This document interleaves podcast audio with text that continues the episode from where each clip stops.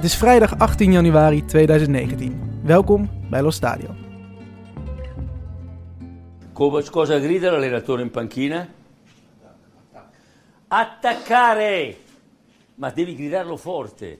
Attaccare! Vuol dire attaccare la palla al nostro piede e quindi girarsi e giocare all'indietro. Quindi prova a sentire se ti sentono. Attaccare! Più forte. Più voce. Più forte perché è nello stadio. Attaccare! Ma dai, più forte. Attaccare! State a vedere. Attaccare! Antisemitische spreekhoren, slechte broadcasting, chaotisch gebruik van de videoscheidsrechter, een supercoppa in Jeddah en daarmee wederom een prijs voor veelvraat Juventus.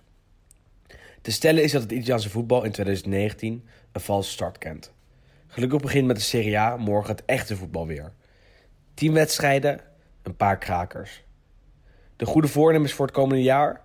Meer transfersoaps, succesvollere spitsen, vollere stadions, grootste bombers en spanning tot aan een laatste speeldag. Het blijft Italië, maar laten we samen hopen. Leven het calcio. Ja, leuk dat jullie ook allemaal in, eh, in 2019 weer luisteren. Ehm, vandaag een iets kleinere, iets, eh, iets legere studio dan, eh, dan gebruikelijk. Ehm, Willem die heeft ook van de winterstop genoten in, in het buitenland. Net als ja, alle Italiaanse en Europese voetballers ongeveer. Ehm Sander Jongman helaas, is helaas ziek vandaag, maar ik zit hier niet in mijn eentje, want ik heb een hele mooie gast weer weten te vinden. Isaac van Achelen. De Hollandese volante wordt hij genoemd door, door zijn Italiaanse vrienden, de Vliegende Hollander. Een Brabander, komt uit Tilburg en woont inmiddels al enkele jaren in, eh, in Italië. En die is eh, daar onder andere werkzaam. En dat is natuurlijk wel eh, voor in deze podcast natuurlijk uitermate geschikt als tolk. Onder andere bij de persconferenties van verschillende voetbalclubs in Italië. Als die bijvoorbeeld naar Nederland komen of als Nederlandse voetbalclubs naar Italië gaan. Welkom Isaac. Ja, dankjewel. Hartstikke tof dat je, dat je langs kon komen. Ben je speciaal voor ons naar, naar Nederland gevlogen dit keer? Nee, nee, dat niet. Maar het is wel een, een aangename verrassing om het eh, niet leuke met het leuke te kunnen combineren eh, in dit geval. Precies. En waarom werd je, werd je eigenlijk Hollandese volante genoemd door, eh, door je vrienden vroeger? Ehm, ja, vroeger, ik woon nu, even kijken, 12 jaar in, eh in Cerveteri, vlakbij Rome. Ehm Hollandese Volante is eigenlijk gekomen omdat er weinig Nederlanders van mijn leeftijd rondlopen. En ja, de, de mensen mij een, een, een naam geven. Want heel veel mensen in Italië, die hebben een bijnaam. En mijn bijnaam is eh, Hollandese Volante geworden. Want Cerveteri, dat is een heel klein dorpje in de, in de buurt van, eh, van Rome, geloof ik. Ja, het ligt tussen eh, Rome en, eh en Cerveteri. Sorry, tussen Rome en eh Civitavecchia. Dus lekker aan het strand, lekker in de rust. En binnen 20, 25 minuutjes ben je in het centrum van Rome. Dus dat is, dat is prima. Want hoe ben je ooit terechtgekomen in Italië zelf? Ehm, een jaar of 15, 16 geleden ging ik met eh, vijf vrienden op vakantie eh, naar, eh, naar Bodrum. Allemaal jong en wild en helemaal afgetraind. Maar niemand trapte erin. Maar één meisje uit, eh uit Cerveteri wel. En ja, dat is een, ik noem het altijd een uit de hand gelopen vakantieliefde. En nu is er geen weg meer terug. Nee, je hebt nu inmiddels ook kinderen, geloof ik. nu en, zijn er twee kinderen en we zijn getrouwd. En ja, ik, ik heb toen de stap eh, na drie jaar op en neer reizen vanuit Nederland naar, eh, naar Rome.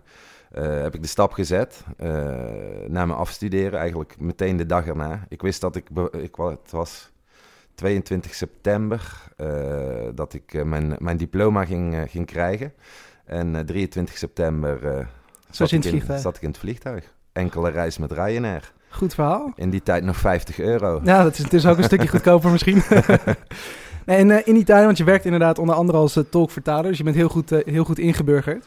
Maar je hebt niet echt een favoriete club in de Serie A. Nee, nee ik, toen ik in de tijd dat ik er kwam, was ik meer interista. Maar dat kwam ook omdat ja, Inter in, in die tijd natuurlijk heel goed deed. met, met Snijder, waar ik zelf vroeger ook nog tegen heb mogen voetballen. Ehm, eh, ja, en, en nu is het eigenlijk een beetje waar de Nederlanders voetballen, daar, eh, daar volg ik het wat meer. Maar ik heb geen echte, eh, ja, geen hart voor een, voor een Italiaanse club. En de topclubs die kwamen afgelopen ja, begin van 2019 wel allemaal in actie in de, in de Coppa Italia. Ehm, weinig grote verrassingen eigenlijk. Ik weet niet of jij toevallig een wedstrijdje hebt, hebt gezien nog.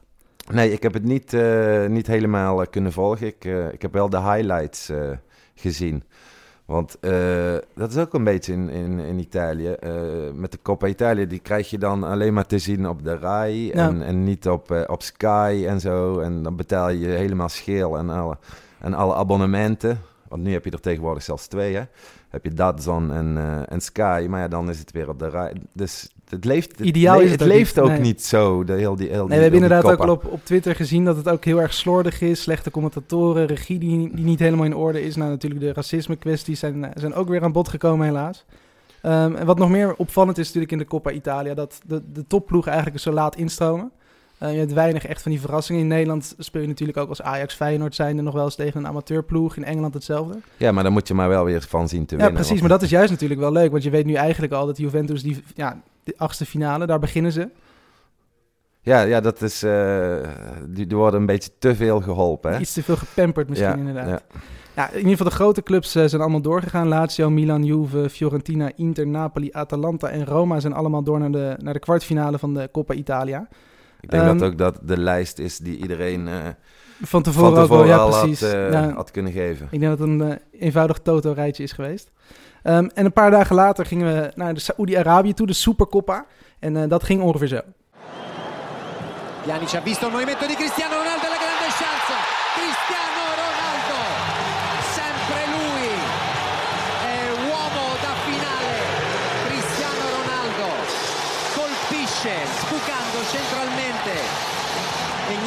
fare per Donnarumma, vantaggio Juventus. Ja, doelpunt van eh, Cristiano Ronaldo. Zijn eerste prijs die hij pakte in het shirt van, eh, van Juventus. Ehm ja, Juve won dus met 1-0 van, eh, van AC Milan, de Supercoppa. Ehm beide ploegen hadden voorafgaand aan de wedstrijd zeven keer die, die prijs gewonnen. En nu Juventus als eerste ploeg de acht aangeraakt.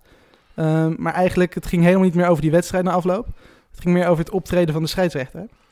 Ja, de, weer, eh, weer de VAR. Weer de VAR. Zo, ja.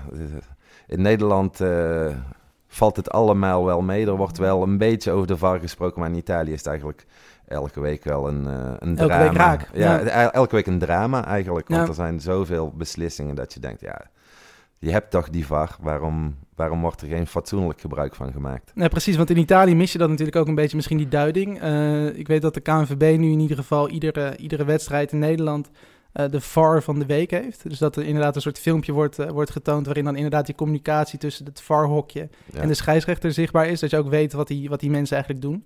Eh, iets meer inzicht zou misschien in Italië dan ook wel handig zijn waarom de Ja, VAR wel of niet wordt eh Daar had ik het inderdaad ook over met een, met een paar vrienden. Ehm, want ik volg de, de Nederlandse competitie ook en ik heb de Nederlandse televisie thuis. Eh, en toen zei ik ook van ja, in Nederland eh, heb je daar hele specials over in de, in de sportprogramma's. Eh, want je, je, je, moet, je hebt geen idee hoe die scheidsrechter zo'n beeld terugziet. Met al, de, al het commentaar wat hij in zijn oor krijgt. Die Italianen die, die hebben daar niet eens weet van. Want er wordt eigenlijk totaal niks aan gewijd op de televisie of radio of wat dan ook. Dus ja, dat, dat, dat speelt ook mee. En het zal, er daar, het zal ook daarmee te maken hebben dat de, eh, eh, de beslissingen soms verkeerd uitvallen.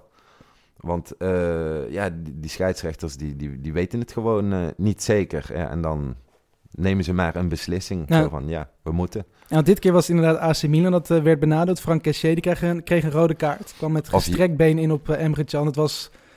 Ja, rood kun je daar inderdaad voor geven. Eh, de kritiek was vooral dat er een paar minuten eerder eigenlijk een soortgelijke situatie was met eh Blaise Matuidi van Juventus. Die doorging op Calabria. Ehm, die kreeg niks. Nee, ja, dan eh, hoor je heel Italië weer, hè, de Juventini. Hè? Ja, het complot tegen Juventus, Ja, ja. wel bekend. Het inderdaad ook nog een paar minuten voor tijd een penalty situatie misschien, waar Conti doorbrak. En eh Emre Can ervoor ging liggen en iedereen struikelde en viel. En Milan achteraf vooral vond dat het een strafschop was Ja. nadat de beelden nog een keer op, eh, op social media verschenen. Daar was ik het dan niet helemaal Nee. eh, mee eens. Maar die, eh, die situatie met Matuidi, die was ja echt Bijna ne- identiek. 90% Ja. vergelijkbaar Ja. met, met de rode kaart. Dus ja, dan... Het blijft altijd een heikel puntje, denk ik, nog in Italië. Sowieso natuurlijk als iets voor Juventus in het voordeel van Juve uitpakt. Ehm, en verder, ja, Higuain. Natuurlijk een hele transfersoap geweest. We zitten natuurlijk ook midden in het eh, transferwindow. Ehm, wel meegevlogen naar, eh, naar Jeddah, want het werd ook gespeeld natuurlijk in Saoedi-Arabië. Ja. Ook al een redelijk controversiële beslissing misschien van de, van de Italiaanse bond. En toen stond hij niet op de foto. En toen stond hij niet op de teamfoto. Maar toen, Ja. want goed, hij werd, wordt natuurlijk al heel lang in, eh, in verband gebracht, ook met een overgang naar Chelsea. Ehm, niet op de teamfoto, inderdaad, in het eh, majestueuze hotel waar ze, waar ze daar verbleven. Ehm, toen op de wedstrijddag zelf had hij opeens koorts. Ja. En toen liep hij toch warm in de tweede helft. En dan kwam hij er zelfs nog even in. En na Ja. afloop begon hij weer te schelden op de scheidsrechter. ja, maar hij viel in, maar hij had net zo goed niet in kunnen vallen. Het leek nergens op. Want het was echt helemaal niks. Ik heb eventjes voor de grap opgezocht. Dat is, er schijnt inderdaad, dat eh, heeft Sander Jongman mij ingefluisterd. eh, een vloek te rusten op de nummers 9 van, eh, van AC Milan.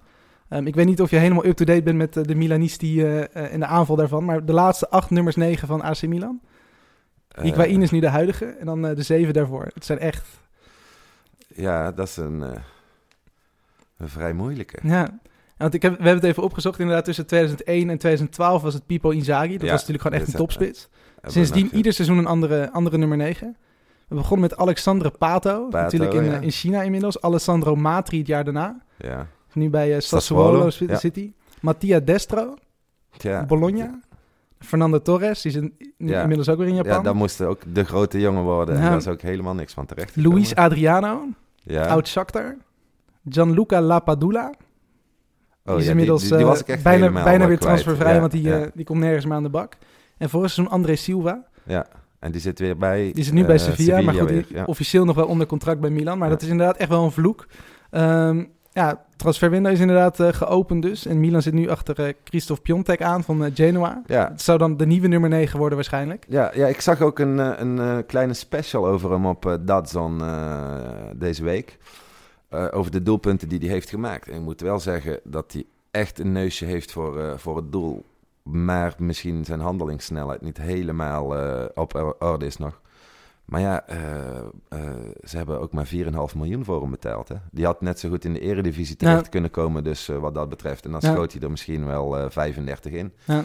Dus, Dat was misschien een beetje het is- het is soortgelijk met, met Milik, die natuurlijk bij Ajax toen goed heeft gedaan en naar Napoli vertrok. Maar die ging voor 35 Ja, miljoen toen precies. ook, ja. Dus ja, voor 4,5 miljoen hebben ze hem opgehaald. En ja, voor dat geld schiet hij er voldoende in. Echt een neusje voor het doel. Ehm, hij kijkt, als, je, als je de beelden gaat terugkijken, dan kun je ook goed zien dat hij, dat hij niet eens eigenlijk naar het doel kijkt. Want hij weet al waar het doel weet heel is. goed waar die staat. Dus eh, ja, ja die, die heeft zeker nog groeimogelijkheden.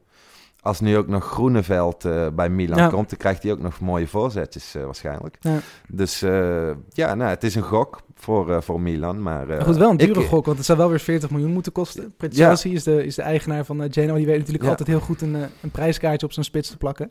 Ja, maar ehm, voor, eh, voor minder vind je ook eh, geen, eh, geen topspits. Dus ja, je moet wel gaan gokken, denk ik. Ja, en Higuain, als die natuurlijk weggaat, scheelt ook enorm in de salariskosten natuurlijk. Dus dan is er met financial fair play ook weer iets meer budget beschikbaar misschien om hem op te halen. Het probleem is Ja. natuurlijk wel dat hij zich nog niet echt heeft bewezen op, op topniveau. Speelt nu een half jaar heel goed bij Genoa. Ja, ja dat is het een beetje. En daarvoor inderdaad eigenlijk zijn hele leven in de Poolse competitie. Ja, van waar komt hij vandaan? Wis- Cracovia Wisla die, ja. nou. Ja, ja. En dan voor 4,5 miljoen opgehaald. Nou ja, eh, het is een gok, maar ik zou, ik zou hem wel eh, durven maken als ik hem zo het afgelopen jaar, half jaar bezig eh, heb gezien. Ja, als hij zo door zou kunnen gaan. Dat is natuurlijk Ja. fantastisch. Dat nu volgens mij op 17, eh, 18 doelpunten. Ja, topscorer de- de- van de Serie A. De eerste zes, zeven wedstrijden maakte hij elke wedstrijd een doelpunt, geloof ik. Hè? Ja. Nee, ik vind, het een, ik vind het een leuke spits. 0 a 0. Tá lá o Juan. O Juan tem sido tão importante nas bolas pelo alto. 37 metros. Diego fez o levantamento. Olha o Arão. Juan desviou na esquerda. Leva para trás. Olha a chance do Paquetá.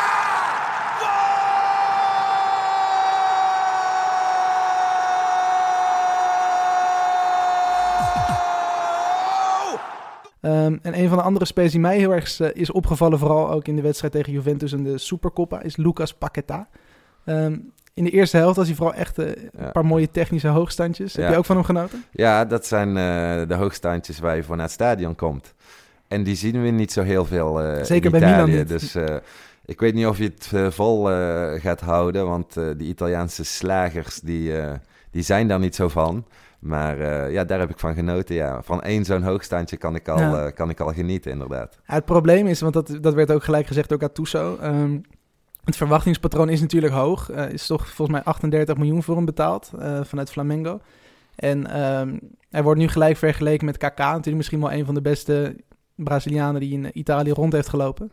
Is dat dan Ja, ik, een eh, stimulans? of... Ik eh, ben niet zo van de, de stempels plakken, want volgens mij kan een speler daar nooit eh, beter van worden. Zoals ze mijn eh, goede vriend Marcel Meeuwis vroeger de nieuwe Johan Cruijff noemde. Nou, dat is er ook niet helemaal eh, uitgekomen. Dus nee, ja, een stempel drukken ben ik, eh, ben ik totaal niet van. Maar ik denk wel zeker dat het een toegevoegde waarde kan zijn voor, voor de club, maar niet van het niveau. Zeker nu nog niet. Nee, Nee. nee. En ook nog een paar mooie Nederlandse eh, ja, namen die eh, een transfer hebben gemaakt. We hebben weer een extra Nederlander bij Udinese zitten. Die hebben intussen eh, volgens mij al drie Nederlandstalige mannen daar rondlopen met, dat is het, Ter Aves, Nuitink en Troost Ekong. Ja. Je krijgt nu Marvin Zegelaar erbij Ja. van Watford. Dus dat is weer het, het potso eh, spelletje. Ja, Spelers ja. doorschuiven naar waar het eh, Ik- nodig is. Ik weet, eh, ehm, bij, eh, bij Udinese werkt een, een, een, eigenlijk een collega van mij. Ehm, die, die had daar al jaren gewerkt. Dat is zeg maar een, noemen ze een tutor.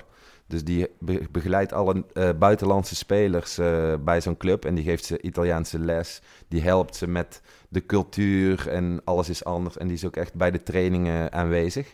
Eh dat was ook echt weer een aanvraag van de nieuwe trainer van het begin van het seizoen. Die ondertussen En die Spanjaard was ja, dat, eh, ja. Velasquez. Die, die wilde hem er weer bij hebben, dus hij is daar eh, weer begonnen. En daardoor integreren de buitenlandse spelers een stukje sneller. Ja, met de nieuwe trainer was het dan niet zo'n succes, maar ik verwacht wel dat Udinese zich makkelijk veilig eh, gaat De spelen. selectie is goed genoeg als je het Ja. inderdaad zo ziet. Dus eh, ik denk wel dat, eh, dat dat zeker een grote hulp is voor al die, ook de Nederlandse jongens die daar, die daar zitten. Maar ook alle andere buiten, want er zitten er bijna alleen maar buitenlandse Ja. spelers. Dat dat, dat dat wel gaat goedkomen. Ook in vergelijking met de afgelopen jaren, toen eh, die tutor er dus niet was, ja, dan zag je ook gewoon het- de resultaten stukken minder, eh, minder worden. En dat zie ik ook bij andere clubs waar ja, die buitenlanders maar zo neergezet worden Ja. zonder enige begeleiding. Kom je in een ander land met een nieuwe taal, met een nieuwe cultuur, moet je opeens middags pasta gaan eten. terwijl je boterhammetjes met kaas gewend bent. Ja. Dan, eh, ja, dat is allemaal een beetje anders. Dus ik denk dat dat voor de Italiaanse clubs heel belangrijk is. En ik denk dat Udinese daar heel goed mee, eh, mee bezig is. Ja, precies. Nee, want jij zit natuurlijk vrij dicht natuurlijk ook op de spelers. Ehm, is het inderdaad echt heel erg belangrijk dat je als Nederlander... Stel, gewoon een Nederlandse jongen, Justin Kluivert, Rick Karstorp... die zijn bijvoorbeeld naar Roma gegaan. Ehm, hoe belangrijk is het dan dat je heel snel die taal leert... en echt heel snel in die cultuur duikt? Eh, ja, bij, de grotere clubs, bij, AS Roma heb je dan natuurlijk, eh, daar hebben ze echt intern iemand eh, zitten die, die ook de persconferenties bijvoorbeeld doet, maar ook alle interviews vertaalt en altijd bij de spelers is. Heeft voor- en nadelen, want het, het voordeel is dat je altijd zeg maar iemand hebt waar je op kunt terugvallen. Het nadeel is dat je nooit die taal gaat leren. Eh, of tenminste niet, eh, Goed niet- genoeg. Niet Nee. goed genoeg. Eh, want je hebt altijd iemand op, op terug te vallen. Toen ik eh, twaalf jaar geleden in, eh in eh Cerveteri kwam wonen... Ten eerste was er niemand die Engels sprak, behalve dan mijn vrouw. Ehm, maar ja, dan moet je wel, want alles gaat langs je heen... en dan heb je echt een heel vervelend leven. Eh, dus ja, dan moet je de taal gaan leren. En dan ga je gewoon veel sneller integreren. En dat, Ja. dat, dat moeten die spelers eigenlijk ook eh, doen. Want alle grapjes die in de kleedkamer worden gemaakt... was voor mij in het begin ook... ja, alles ging langs me heen. Ja, het is toch leuk als je er ook heel vervelend. Ja, Ja, dan sta je met z'n allen te douchen... en dan gaan ze lachen... en dan denken ze dat, je, dat ze het over jou hebben, weet je wel. Ja. Dus eh, ja, ik denk dat het, eh, dat het heel belangrijk is om, om de taal zo snel mogelijk te leren. En ik ben er ook nog steeds van overtuigd dat dat toen die tijd met eh, Frank de Boer de reden was dat het Ja, nooit iets kon Ja. gaan worden bij, eh, bij Inter. Ja, ja dat, daar wilde ik inderdaad gelijk naartoe. Frank de Boer eh, ja, sprak natuurlijk geen Italiaans, sprak Spaans. Ehm, tijdens die eerste paar persconferenties was het inderdaad een soort Italo-Spaans wat hij, wat hij toen sprak. Probeerde het wel. Ja. Eh, maar je wordt daar zeker bij slechte resultaten gelijk op aangepakt, denk ik, als buitenlander ook. Ja, dat, dat, eh, dat zeggen ze dan al eh, meteen, ja. Want eh, de Italianen vinden ze dat ze, jij je moet aanpassen. En die vinden ook gewoon dat jij ja, in hun cultuur moet aan, zoals bijvoorbeeld het eten. Ja, dat, dat snappen ze niet, dat het ook zeg maar anders kan. Dus eh, wat, ik net ook al zei, je hebt een, beetje de grote clubs en, en de kleine clubs. Bij zo'n grote club als Inter bijvoorbeeld, waar ik nou de, de afgelopen tijd een beetje dichter eh, bij ben geweest. Dan merk je dus, eh, daar spreekt ook iedereen gewoon prima Engels. Dus dan kom je er wel mee weg, intern gezien, eh, met het Engels. Maar je hebt ook die hele... de, de, de, de journalisten, je hebt de supporters, die, die willen gewoon eigenlijk In hun eigen taal. in hun eigen taal Ja. alles, eh, alles kunnen volgen. Dus eh, ja, ik denk dat dat heel erg eh, belangrijk is. And sometimes maybe good, sometimes maybe shit. Ja, want jij bent inderdaad eh, naar Italië vertrokken 12 jaar, eh, 12 jaar geleden. Eh, want wat heb je gestudeerd in Nederland? In Nederland heb ik integrale veiligheid gestudeerd. Dus eigenlijk niks wat, met, eh, wat je nu nog steeds doet in Italië. Nee, eh, maar er was ook in die tijd eh, een, nieuwe, een nieuwe opleiding. Dat is toen eigenlijk ontstaan na de, de Enschede vuurwerkramp. Want ik wilde eigenlijk altijd bij de politie. Want mijn voetbalcarrière die was niet van de grond gekomen. En Want je hebt nog best wel op niveau gevoetbald dan. FC Den Bosch. Ja, ik heb eh, ja, van, van jongs af aan eigenlijk altijd wel eh, al die, die, de, de, de Brabantse selecties en zo. Dat was in, ik kom uit Brabant, zoals je kunt horen. Eh, ja, die heb ik allemaal gevolgd. Of tenminste van, van, van onder 12 tot onder 15 of 16 of zo was dat. Zat ik er altijd bij en bij de Zuid-Nederlandse selecties. Ik kwam eigenlijk altijd best wel ver. Mijn ouders wilden nooit op een hele jonge leeftijd al dat ik wegging, zeg maar, van de plaatselijke SV VOAP eh, naar, een, eh, naar een wat grotere BVO. Want die vonden school heel erg belangrijk. maar eh, op een gegeven moment konden zij er ook niet meer omheen. Dus toen mocht ik eindelijk naar een andere club. En ja, toen heb ik, ja, kon, kon ik kiezen, laten we het zo zeggen, tussen NAC, PSV en FC Den Bosch. En ik ben, heb toen voor FC Den Bosch gekozen omdat daar die trainer eh, nog steeds mijn grote held en voorbeeld Wim van der Horst eh, daar zat. eh, die ooit nog drie doelpunten maakte tegen Ajax. Ja, die heeft mij toen zo ingepakt dat ik daar graag wilde gaan voetballen. En dat heb ik ook met veel plezier gedaan. Totdat het ja, een beetje ging schorten en ik toch dacht van ja, het voetballen wordt het niet helemaal meer En toen toch Nu op die moet ik- studie gericht inderdaad. Moet ik toch eh, gaan eh, studeren. Maar ja, in die tijd eh, was ik van, van het VWO teruggezakt naar het MBO, want ik dacht ik word toch profvoetballer. Maar ja, toen, toen heb ik uiteindelijk het HBO toch, toch afgemaakt. Omdat ik toen bij de politie wilde, want ik ben altijd wel actief, zeg maar. Ik wilde geen 9 tot 5 eh, baan op een kantoor. Dus ja, in de, in de tijd dat ik integrale veiligheid studeerde, leerde ik dat meisje kennen. Nou, dus toen, eh, Dus je had je diploma alles, eh, gehaald om politieagent te kunnen worden. Ja, Bij wijze van spreken een dag Ja. later zat je in het vliegtuig naar Italië... waar je Ja. ook de taal niet kende. Je had geen werkervaring. nee, nul. Want wat doe je dan? Je komt daar aan op het vliegveld van... nou, ik ben er nu voor goed. Ja, toen eh, werd ik weggebracht door eh, mijn vader en een vriend eh, met tranen in hun ogen. En eh, eh, ik was nog vrij blij, want ik denk, nu ga ik eindelijk naar Italië. Toen ik aankwam, toen dacht ik van, wat doe ik hier eigenlijk? Eh, maar toen had ik eigenlijk binnen tien dagen had ik al een baan. En eh, dat was eigenlijk het hele idee van, we snel proberen... Het, was natuurlijk wel een, eh, het was ja. natuurlijk wel een vakantieliefde. Dus we moesten ook maar zien of het echt wel stand kon houden. Dus ik zei van, nou, dan kom ik daar naartoe en dan zien we het wel. Misschien gaat het goed. Als het niet goed gaat, kan ik altijd Ja. nog terug. Maar ja, toen kreeg ik binnen tien dagen een baan en kreeg ik een jaarcontract. Die heb ik niet eens uitgediend, want na een half jaar kreeg weer een andere baan aangeboden. eh, bij een bedrijf waar ik nog steeds eh, voor werk in het, eh, in het toerisme. En ja, daar kon ik ook mijn eigen tijden indelen. Dus ik kon ook weer gaan voetballen. En ja, toen is eigenlijk alles zo snel gegaan. Ook met de taal leren en het integreren.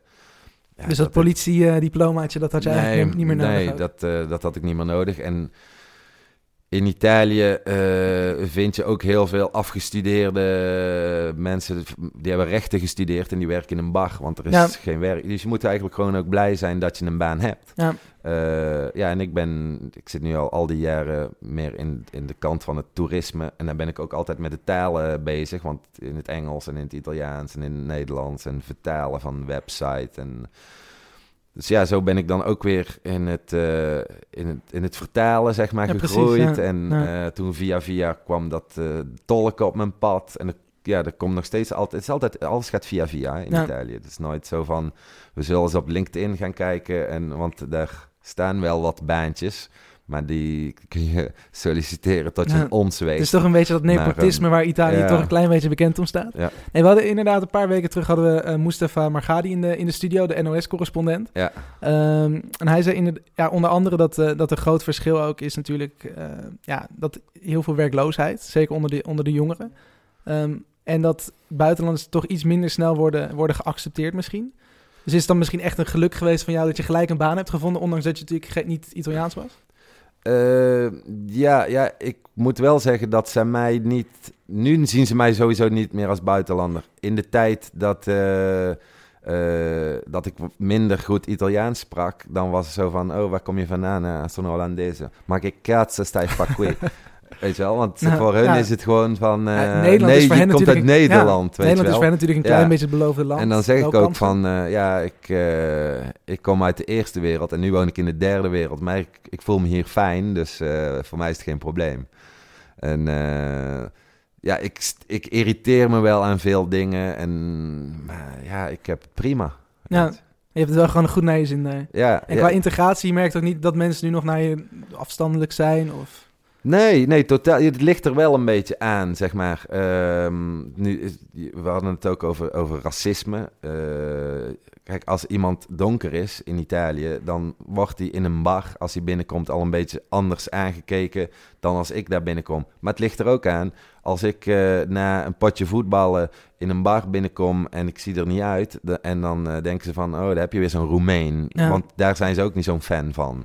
Eh, omdat ik blond ben. En, maar eh, als je dan gaat praten, als ik ga praten, dan praat ik net als zij. En ik praat niet zoals, eh, laten we zeggen, 90% van de buitenlanders in, eh, in Italië. Want je hoort gewoon, maar als ik in Milaan ben, zeggen ze ook, heb je weer zo'n Romein, Ja. weet je wel. Dus ja, Heel goed dan geïntegreerd. zeg ik, nee, ik kom uit Tilburg. Daar kennen ze dan niet zo snel. nee. Ja, wat goed, jij, jij voetbalt dan nu ook nog steeds in Italië?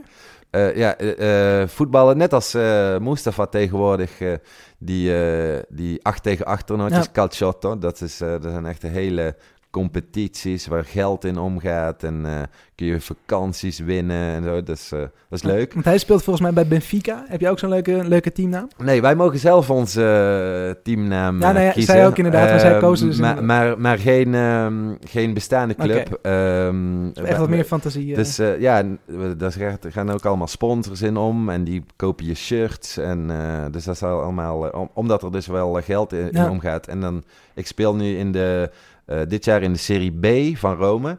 En dan heb je dus ook echt een Serie A. En er wordt elke week eh, uitgezonden, op, eh, soms ook live via YouTube. En er gaat echt best wel veel geld in om. Maar het eh, voetbal uh, Calcio Undici heb ik, heb ik achter me gelaten. Want eh, kost, dat kost gewoon veel te veel tijd. Het is ook helemaal anders dan in, dan in Nederland. Probeer ik mijn vrienden ook vaak uit te leggen. Mijn vrienden die eh, vroeger best leuk eh, in eerste elftallen, in de eerste klasse of in de hoofdklasse. Die bestaat trouwens niet meer hier. Hè? ja, topklas eh, heet dat ja. geloof ik. eh voetbalden, die, die zijn nu ook allemaal een beetje zo mijn leeftijd 35. Dus die willen nog wel een beetje voetballen, maar voor hun plezier. En die gaan dan in een vriendenteam spelen in het tweede of in het derde of in het elfde van de plaatselijke FC. Dat bestaat in Italië niet. In Italië is er het eerste elftal en daar gaat vrij veel geld in om. Soms veel te veel geld. Eh, maar ja, dat is de president die eh, bepaalt en betaalt. Dus eh, als je daarbij bij mag horen van de trainer en van de president, dan kun je leuk bijverdienen. Dan kun je zelfs een Italiaans salaris extra bijverdienen met alleen voetballen. Maar dat betekent wel drie à vier keer in de week trainen. Plus de wedstrijd op zondagochtend.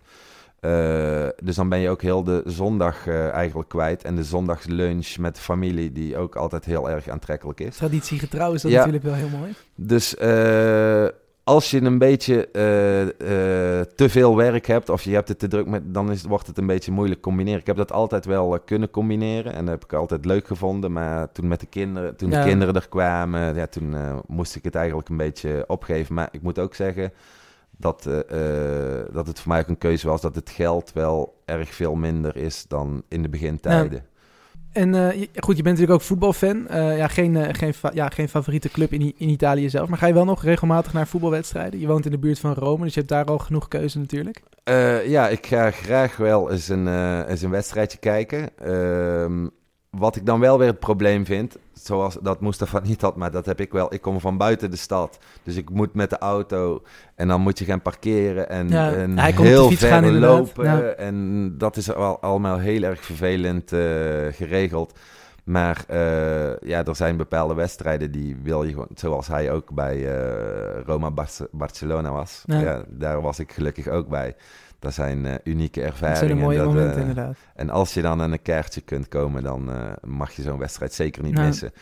Maar alles wordt ook prima uitgezonden en thuis op de bank is het allemaal... Heb je ook goed zo- beeld inderdaad. Ja, en dat, zo, denken, een zo denken de hebt. meeste Ja. Italianen ook. Ja. Hè? De, daarom zijn de stadions ook niet helemaal vol. Dat zeggen er veel. Maar ja, het is, als je al eh, 60 euro per maand betaalt... en dat is voor een Italiaans, op een Italiaans salaris best, best veel... Mhm. Plus nu Dadzon erbij voor, eh, voor een tientje. Dat zijn al 70 euro zo ongeveer. Dat je kwijt bent om elke zondag, eh, of tenminste alle wedstrijden te kunnen zien. Ja. Dan moet je ook nog naar de wedstrijden toe. Ja, dan, eh dan gaat toch even aantikken. Want die kaartjes die worden ook steeds duurder natuurlijk. Ja. Zeker als Ronaldo bijvoorbeeld, bijvoorbeeld langskomt. Maar goed, jij mag natuurlijk ook als professioneel... Ja, je, je bent inderdaad voetbaltolk onder andere. Eh, dus jij mag natuurlijk ook... eh, wat, ja, je komt sowieso in contact met, eh, met veel spelers. We hebben elkaar al voor begin dit seizoen gezien bij PSV bij tegen PSV. Inter. Ja, want jij bent daar dan inderdaad de, de tolk. Ik was daar inderdaad voor mijn werk. Ehm, en dan zat daar inderdaad Luciano Spalletti... En Stefan de Vrij en volgens mij Sami Handanovic, die zaten naast je. ja, ja, nee, ja, dat klopt. En jij mag inderdaad dan gewoon de vragen vertalen en hun antwoorden weer vertalen. Ja, ja daar, ben ik, daar ben ik eigenlijk ook een beetje ingerold. De eerste, mijn eerste optreden was ehm, Italië tegen Nederland met Antonio Conte in Bari. En dat was de eerste keer dat Antonio Conte eh, in Puglia, in zijn regio, eh, kwam. Dus eh, het stadion was uitverkocht. de perszaal zat stampvol. en het stadion van Bari valt van, bijna van ellende uit elkaar. Dus voor het eh Italia 90 is dat toen eh, Ja, gebouwd. het gigantische... Dus eh, toen ben ik er een beetje ingerold. Ja, en zo is dat eigenlijk allemaal doorgegaan. Ik heb het nu, ja, dus ei- eigenlijk elk jaar eh, heb ik geluk. Want ik heb altijd de combinatie, ehm, zeg maar, eh, Italiaanse club met ja. Nederlandse clubs. Ja. En dan, ja, die mensen van al die, die, die communicatieafdelingen eh, van, de, van de clubs, die kennen me nu. Dus nu heb ik bijvoorbeeld ook... In augustus was de presentatie van ehm Berisha bij, bij Lazio. Ja, toen, toen mocht en Durmisi. Toen, toen belden ze mij ook of ik dat dan kon doen. Want ja, ik, je, kon toch, je kan toch ook Engels? Hè? Ja. Ja. Ja, dat kan ik ook wel, ja. Dus daar word je ook Dus, voor eh, gevraagd. En ja. dat is ideaal. Dus eh, dat, zijn, dat zijn allemaal leuke, leuke ervaringen. Ja, want je hebt best wel geluk gehad Ja. natuurlijk ook met de lotingen. Ehm, vorig seizoen werd onder andere Vitesse aan, aan Lazio gekoppeld, geloof ik ook. Ja, en, en in die competitie zat, of in die groep zat toen ook Zulte Waregem. Ja. Dus dat valt Ook dan, nog voor de dit valt er dan vrienden. ook Ja. onder. Eh, het ligt, bij AS Roma ben ik nog nooit eh, geweest, want die hebben hun eigen tolk. Ja. Eh, dat vond ik dan ook jammer. Toen AS Roma tegen Feyenoord Ja, bijvoorbeeld. speelde. Ja. Want toen ben ik zelfs ook nog naar Rotterdam gekomen om, om die wedstrijd te zien. Maar ja, dit, eigenlijk heb ik elk jaar nog geluk gehad. En nu zou het in de loop van het seizoen zou het ook nog kunnen, want er zitten nog wat Belgische clubs eh, bij ook hè, in, de, in de Europa League. En Ja. en, ja Ajax, Juventus. Ja, dat zou eventueel Zou- maar bij zijn Juventus ben ik ook nog nooit eh, geweest. Ik, Ik, had weet, het, ja, ik weet ook niet hoe het daar zit inderdaad, qua of die, of die echt zo'n huisvertaler hebben. nee, dat weet ik, weet ik eigenlijk ook eh, niet. Nou goed, je hebt in ieder geval overal lekker contacten lopen. Dus eh, mochten, mochten Nederlandse en Italiaanse ploegen elkaar loten, dan zullen we je vast zien.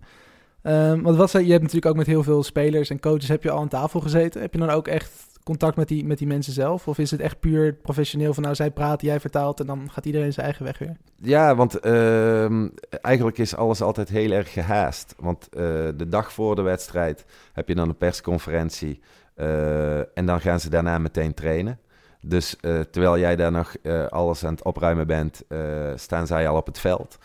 En dan eh, na eh, de wedstrijd weer precies hetzelfde. Daar hebben ze alle interviews al gehad in de flash area. En dan hebben ze helemaal geen zin meer om al die journalisten nog eens te woord te staan.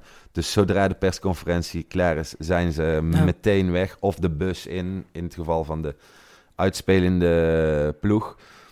Maar ja, in de, de, afgelopen jaren ben ik bijvoorbeeld Stefan de Vrij eh, bij Lazio twee keer tegengekomen. En bij nu bij Inter weer. ja. En zei hey, ben jij, ben jij er weer? Maar we, we kennen elkaar verder niet van, hè? Van Ja. hey, maar ja, we zien elkaar dan eh, daar elke keer. En dan, maar verder heb je niet echt veel eh, contact of zo met, eh met Geen spelers. gekke Met, heel de, misschien ook gehad? Of? Heel de begeleiding eromheen, daar heb je, Ja. eh, heb je eigenlijk eh, contact mee. Zoals nu bij Inter, die, die wilde dan ook echt dat ik Spalletti overal volgde.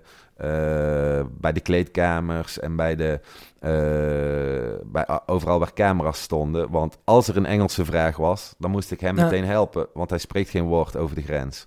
Dus eh, ja, dan heb je weer wat meer contact met... eh, en dan zijn het ook twee wedstrijden natuurlijk. Dus de eerste wedstrijd denk je van, oh, Spalletti. Ja. En dan de tweede wedstrijd, dan eh, geeft hij weer een hand en ja. zegt hij... Hey Isaac, hoe is het? En dan denk je bij jezelf van, ja... Het is toch wel bijzonder om daar als... ja, ja, dat is, ja, dat is leuk. Ja. Dat is leuk. Ehm, eh, ook bij Napoli bijvoorbeeld, waar dan mijn favoriete Nederlandse club speelde. Eh, vorig jaar in de, in de Champions League. Ja, Napoli tegen Feyenoord. Ja, en bij Napoli was ik ook al geweest. Toen met Preudom. eh, met Club Brugge.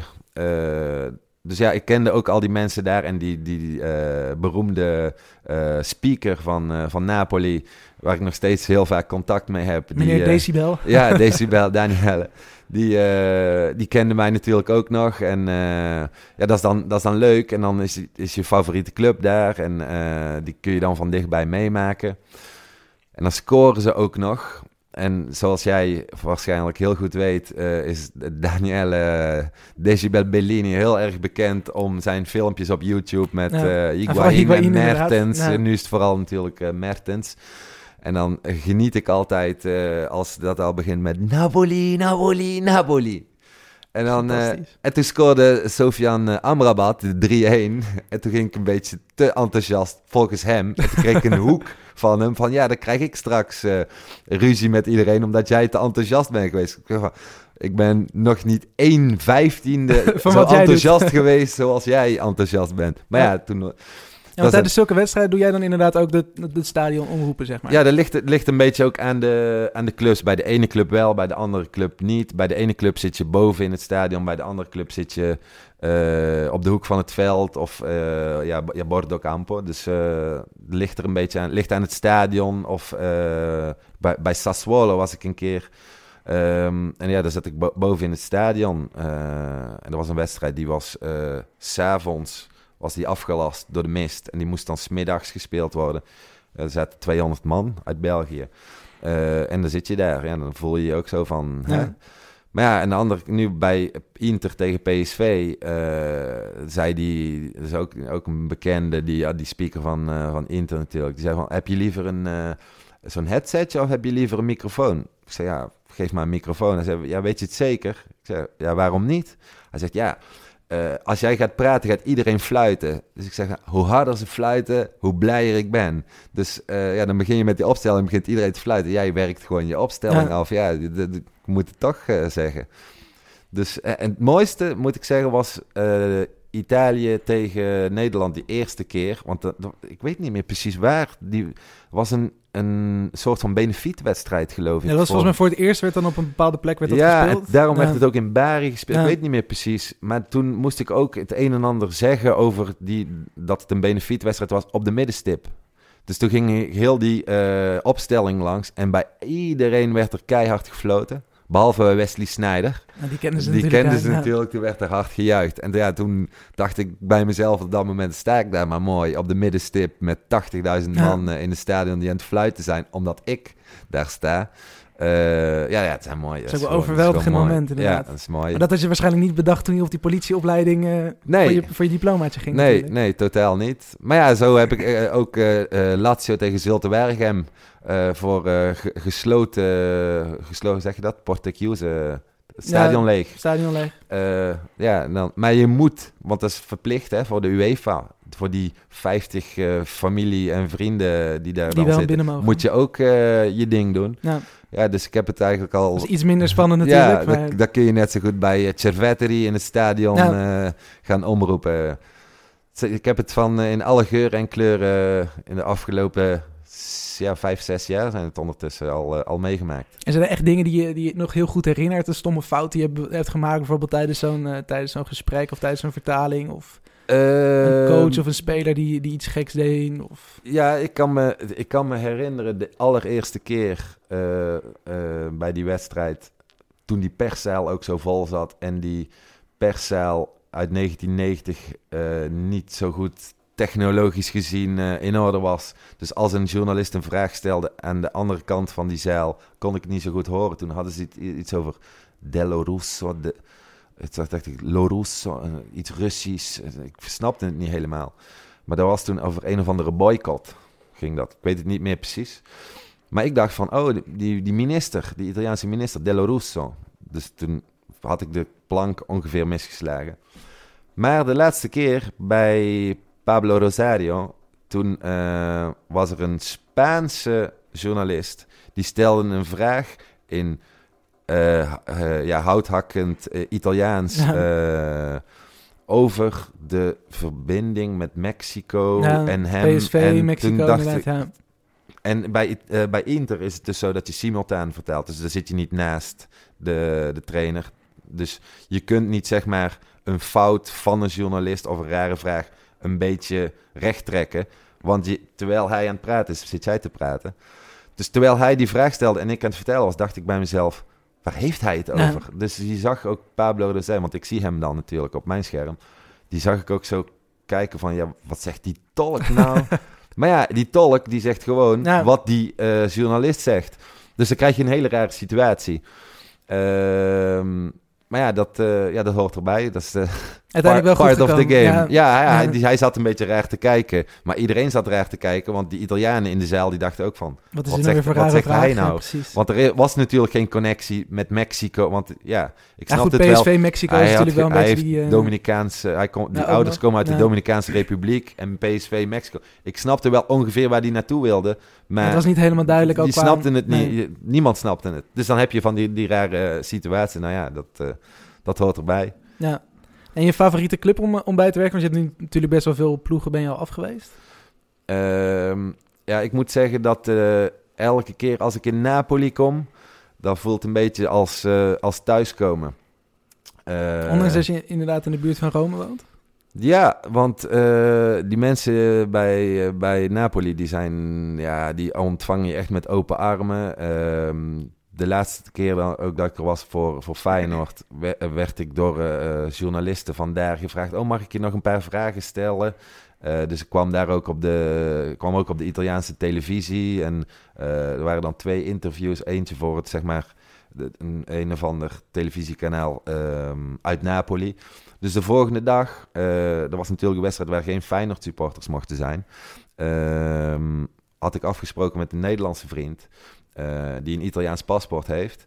eh, maar speciaal voor Feyenoord eh, daarheen was gekomen. En ook een kaartje kon krijgen met zijn Italiaanse idee. Nou, dus toen gingen we even een pizzaatje eten. Dus toen vroeg ik, wilde ik aan iemand vragen daar op het plein, die allemaal hè, Napolitaanse dingetjes aan het verkopen was. Ik zeg, sorry, mag ik iets van, waar, waar moeten we nou een pizza gaan eten? Want dan moet je natuurlijk aan een Napolitanen vragen en niet zelf op zoek gaan. ja. Want die sturen jou naar de beste. En d- die man die kijkt me aan en die zegt, oh, ma sei l'interprete, ti ho visto ieri. Die had je gewoon gezien als, ik als tolk ja, inderdaad. sorry. Ja. En dan kom je daar aan en dan mag je niet betalen, want jij bent de tolk, weet je wel. Dus hij- hij bracht je er ook echt naartoe Ja, die met bracht me daar naartoe en hij had het dan alweer geregeld. en- En eh, ja, dat is, dat is gewoon... En waar ben je uiteindelijk naartoe geweest? Weet je het restaurant nog? Eh, ja, eh, was echt maar voor het, voor het stadion echt. En daar hangt dan ook weer alles van Maradona. En dat is echt zeg maar de Napolitaanse pizzeria voor het, voor het stadion. Echt zo'n restaurant waar een haartje van, van Maradona in een, Ja, in een lijst hangt. Want Een soort altaar. die- ja, ja, dat is eh, ja, echt Napolitaans. Heerlijk Ja. vind ik dat. Allora, Livorno-Crotone 10, Bari-Modena 11. Tesoro, è 1-0, 1-1. Scusi. Livorno-Crotone 1-0, Bari-Modena 1-1. Ja, goed, we hebben het nu eh, goed over, eh, over Napoli gehad. Ehm, aankomende speelronde is eindelijk weer de, de Serie A die gaat beginnen. We hebben natuurlijk een tijdje niks gehad. Eh, tijdens de kerstperiode hebben ze gespeeld en eh 30 december. Eh, toen ja, toch, eh, toch een paar weken eventjes eh, radiostilte vanuit de Italiaanse competitie. Coppa Italia, Supercoppa inmiddels gehad. En gelukkig begint nu de Serie A weer.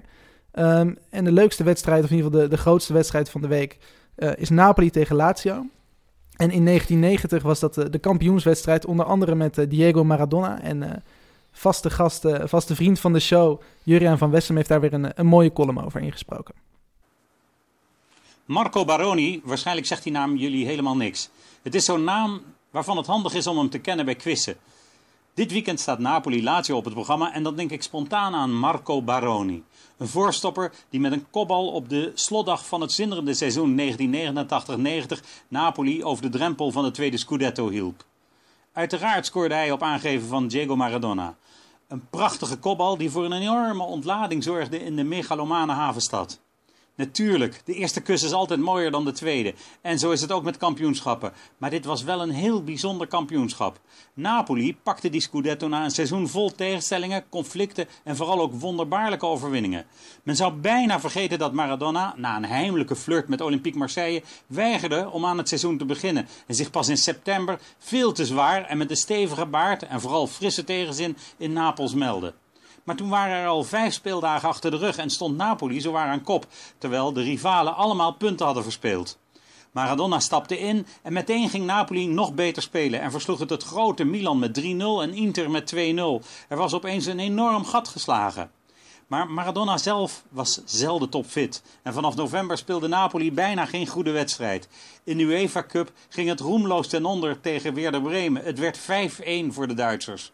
Instortingsgevaar dreigde, maar Napoli bleef wonderwel in eigen land ongeslagen en aan kop staan. Want trainer Alberigo Bigon beschikte over voorbeeldige teamspelers, zoals de Brazilianen Alemão en Careca, maar vooral ook Ciro Ferrara, Giovanni Francini, Massimo Cripa, Luca Fusi, Massimo Mauro, Nando Di Napoli en de nog piepjonge Gianfranco Zola, plus de al genoemde Marco Baroni.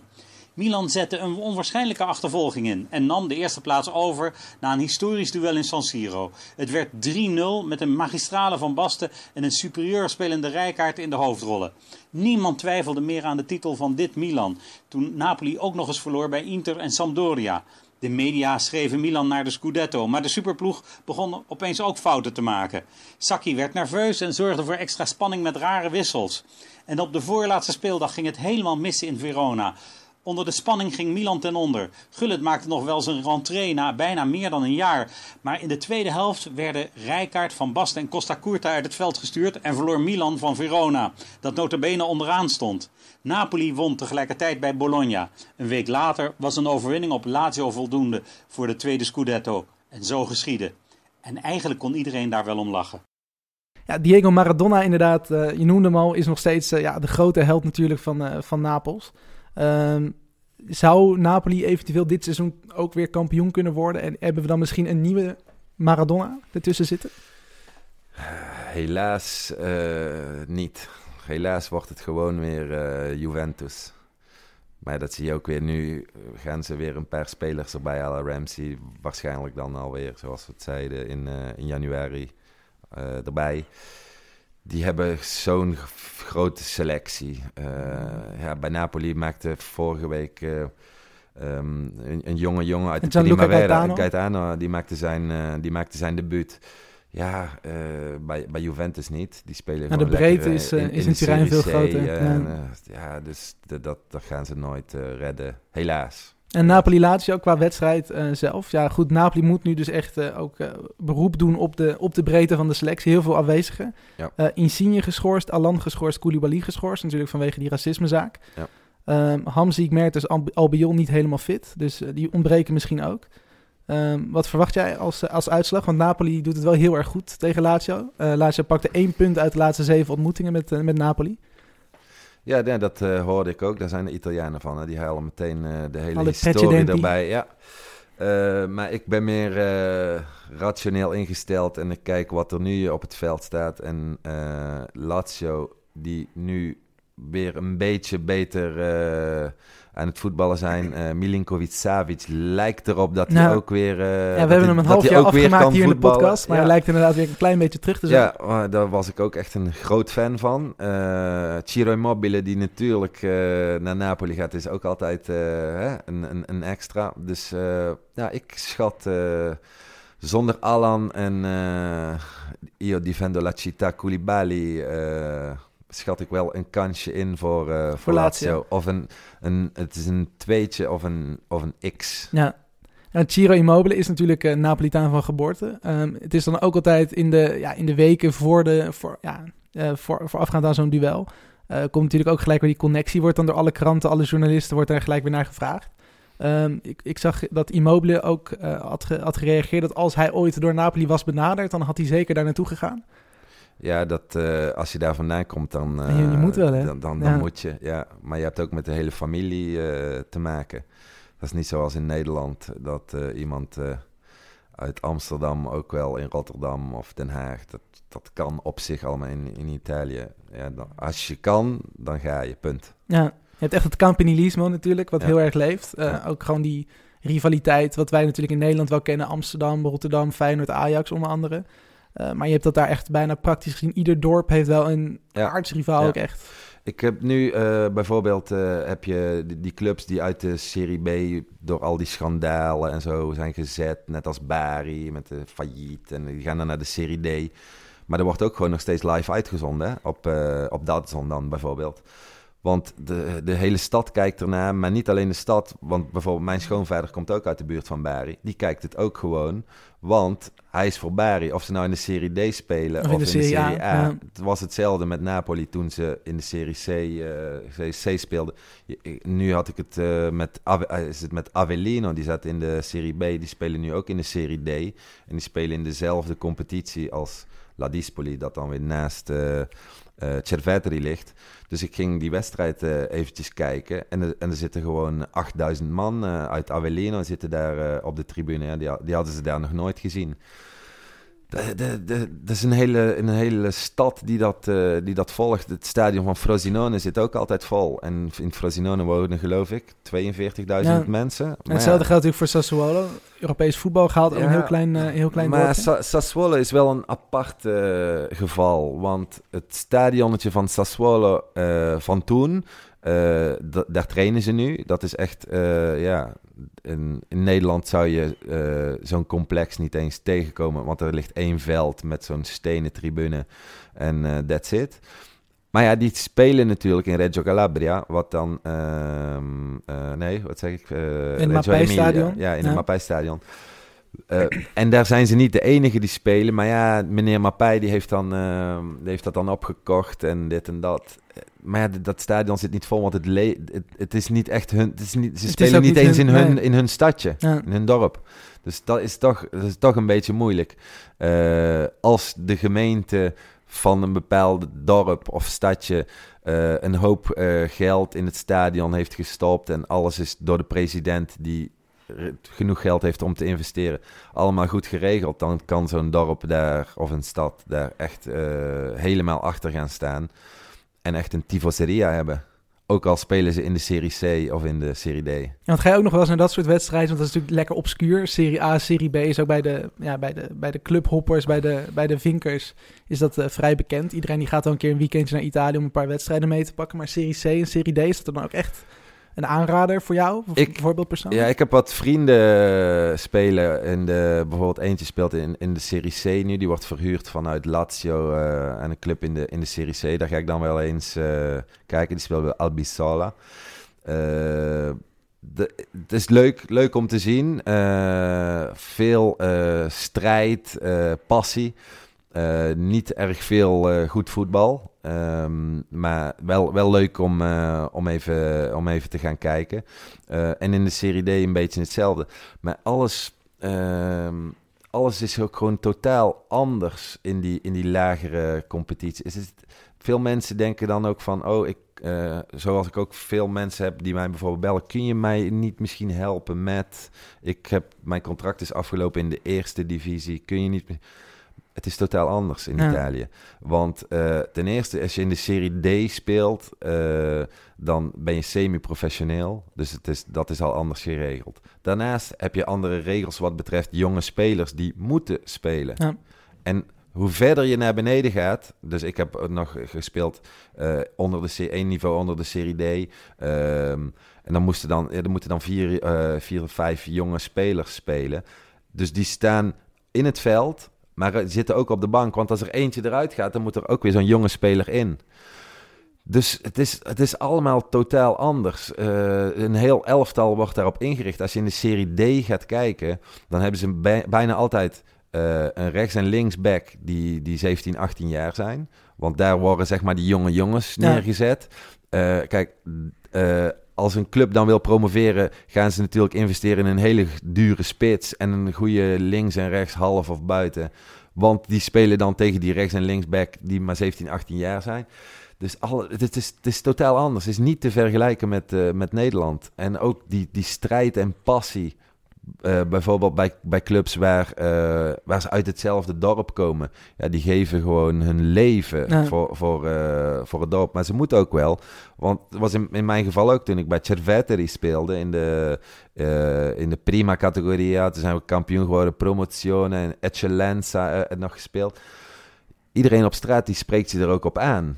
Dat heb ik in Nederland nooit gehad. Nee. Toen, ik, eh, toen ik in de eerste klas eh, speelde. Dat, dat Je iemand bent dan eh, ook gewoon- echt gelijk het held van het dorp als je ja, je goed ja, doet want natuurlijk. ja, hey, eh, mi raccomando, hè, domenica. Ja. Krijg je die, die naar je hoofd geslept. Dat was ik in Nederland nooit gewend. Ja. Toen dacht ik van, oh, wie ben jij? Weet Ja. je wel. Maar ja, ze kennen jou en jij kent hen niet. Ja, het voetbal In- in- leeft sowieso natuurlijk het is gewoon veel meer in Italië. Totaal Ja. anders, totaal Ja. anders. In Nederland eh, ken je dat niet. Want er staan ook maar misschien 200 man eh, langs de lijn bij een wedstrijd in de, in de eerste klasse. En niemand in het dorp geeft er wat om. Want er zijn er waarschijnlijk ook wat meer verenigingen. En Nou, het is totaal anders. En meerdere wedstrijden die eh, dit weekend nog eh, worden gespeeld. Onder andere Inter tegen Sassuolo. Ehm, denk je dat Inter weer een beetje eh, toch ja, die derde plek... of misschien wel zelfs voor die tweede plek zou, zou kunnen gaan dit seizoen? Ik ga ervan uit. Ik heb wel vertrouwen in, in Spalletti. Ja, je kent hem natuurlijk wat, inmiddels. wat dat betreft. ja. Ehm, maar ik moet wel zeggen dat, dat het zoveel afhankelijk is van, eh, van die buitenspelers. Als die buitenspelers hun dag niet hebben, dan, eh, dan wordt het... Ja, eh, Icardi kan het- zo goed... ja, ja, maar die moet wel de ballen ja, krijgen. nee, precies. Nee, dat is het. Ja. Perisic En nu- nu als- valt natuurlijk heel erg tegen. Keita Balde was weer... Ja. die is er weer eventjes uit, hè, geloof ik. Ja, ook weer een spierblessure, Ja. geloof ik. Dus het is ehm, toch, een- toch een beetje moeilijk met Inter. Maar ik ga er wel van uit dat ze, dat ze er dicht, dichtbij blijven in ieder geval. En we beginnen het weekend eh, morgen om drie uur. AS Roma tegen Torino. Ehm, Justin Kluivert eh, speelt weer iets vaker. Rick speelt, speelt weer iets vaker. Ehm, he- hebben die een beetje een rooskleurige toekomst eh, dit seizoen? Of sowieso nog in, in Rome? Wat betreft Klui, die had ook weer twee assists. Ja. Die, dat zie ik wel rooskleurig. Eh Karsdorp die kan het beste gewoon terug bij ons bij Feyenoord Ja. komen, komen spelen. Want dat is wel een beetje een, een afgelopen zaak eh, wat ik zo lees. En, eh, en de supporters die worden dan ook boos op mij. Want dan, zeg, dan zeggen ze bijvoorbeeld... eh, oh, maar um, Karsdorp, lo, de- lo devo prendere a Fantacalcio. nee.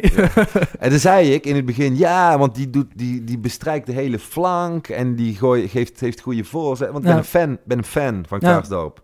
Maar bij Rome heb ik nooit iets van hem gezien. Ik het schijnt dus ook er wordt een inderdaad- nieuwe Cafu, dacht ja, ik. Ja, dacht hij zo waarschijnlijk Ja, ook. maar ehm, nee, die, eh, iedereen is er ook gewoon heel negatief over. Ja, want- mijn interview schemert ook door dat hij zich inderdaad niet zo goed aanpast. Dus juist het, Ja. inderdaad de, de taal leren wat zo belangrijk is, dat hij, dat, eh, dat hij dat inderdaad niet doet. Dat is ook niet voor iedereen weggelegd, hè? Nee. Om, een, om, een, eh, om een taal te leren. ehm.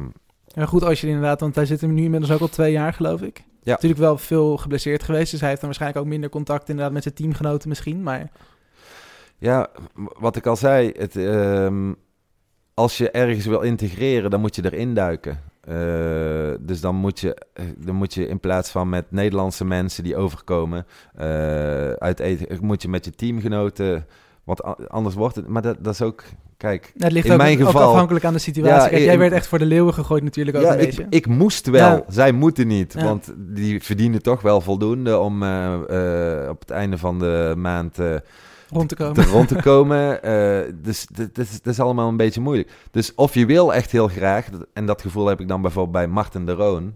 En dat zal waarschijnlijk ook mee te maken hebben. Die voelt zich thuis, die is geïntegreerd, die spreekt de taal goed. Ehm, en eh, ja, die doet het ook gewoon goed. En de mensen accepteren hem helemaal. Die voelt zich daar prima. Ehm, ja, maar- het is, het, is niet voor, het is niet voor iedereen eh, weggelegd om, om, de- om een taal te leren en je ergens helemaal te kunnen aanpassen. Eh, in mijn geval wel, want ja, ik, ik voel me daar prima bij. Ja. Ik voel me ook stukken beter bij een bord pasta 's middags dan een boterhammetje met kaas. Ja. Dus, eh, en ik voel me er ook prima bij om heel de dag over eten te praten en over voetballen. In plaats van over het weer en in plaats van ja, over het Ja. weer en over alleen maar aan werken denken. Ja, dat is, dat is, een verschil in cultuur. Dus Ja. je, je moet erin mee en niet iedereen voelt zich daar prettig bij of kan dat. Nee, ja, Italië moet inderdaad eh, echt bij je passen. Nou, dat is bij jou geloof ik wel, eh, wel gelukt. Eh, we zijn bijna aan het, eh, aan het einde van, eh, van deze aflevering. We hebben een nieuwe, eh, eh, ja, hoe gaan we het noemen? Een nieuw, een nieuw deel hebben we nog bedacht, een nieuwe, nieuw eh, fragmentje. Ehm, we willen inderdaad al onze luisteraars iedere week een klein beetje meer Italiaans leren. Ehm, dus we hebben een mooie Italiaanse term. En eh, goed, ja, mooiere aftrap is er niet met een eh, talk slash vertaler in de, in de uitzending. Mi spieghi che cos'è tecnicamente un cucchiaio? Tecnicamente un cucchiaio è, è una cosa semplice. Ehm, we hebben deze week gekozen voor eh, de term mangialenatore. Weet jij eh, wat, dat, eh, wat dat inhoudt? Allenatore. Als ik er zo over nadenk, dan ga ik er gewoon vanuit dat iets een, een trainer zeg maar kapot maakt of Als- ja, als- op- je zou zeggen opeet, maar dat is natuurlijk niet het geval. Iets dat, dat een trainer makkelijk wegstuurt. Eh Als ik zeg- zal een als- president zijn als die... ik zeg Zamparini? Ja, ja dan, dan oké. Dan had ik het dus bij het rechte eind. Ja. Iemand die een, eh, een trainer eh, heel makkelijk de laan uitstuurt. Precies, trainerskerkhof wordt dat in Nederland natuurlijk ook wel genoemd. In uh, Italië mangialenatore. Ehm nou, dat is in ieder geval de, eh, ja, de, de betekenis van, eh, van deze term deze week. We gaan iedere, iedere week doen we een andere term. Eh, je mag zelf natuurlijk ook altijd eh, dingen insturen als je denkt van... Hey, ik kom dit heel vaak tegen in de, in de dello Sport. Wat betekent het eigenlijk? Ehm, dan gaan wij er iedere week eh, gaan we er wat verder op in. Ehm, nou, dan zijn we inderdaad aan het einde gekomen. Ik wil Isaac heel erg bedanken. Tof dat je er was. Ja, graag En, gedaan. eh, ik vond het leuk. ja, je komt gerust nog een keer terug. Succes. Eh, heb je nog dingen op het programma staan binnenkort waar je weer aan de slag moet? Qua wedstrijden niet. maar ik zal de komende tijd waarschijnlijk iets vaker in Nederland zijn dan, dan normaal. Dus wie weet eh, dat we elkaar eh, snel weer eh Precies. tegenkomen. Nou, ik wil in ieder geval bedanken voor het, voor het langskomen. Volgende week zijn wij er weer hopelijk weer met een, met een volle studio. Met eh, Sander en Willem en met mij. En dan eh, kijken we volgende week wie we dan als mooie gast uitnodigen. En eh, heel veel plezier met het luisteren. En tot volgende week. e soprattutto Baroni vadano, vadano a saltare per ricevere questo, questo pallone. Maradona chiede la distanza, inquadrato Crippa, in, eh, al centro della porta c'è il portiere Fiori, il traversone di Maradona, la testa e il gol! E Baroni! Il gol di Baroni! Napoli in vantaggio dopo sette minuti! Grande, grande gol, grande stacco, pallone preciso, dato al, al- al millimetro proprio.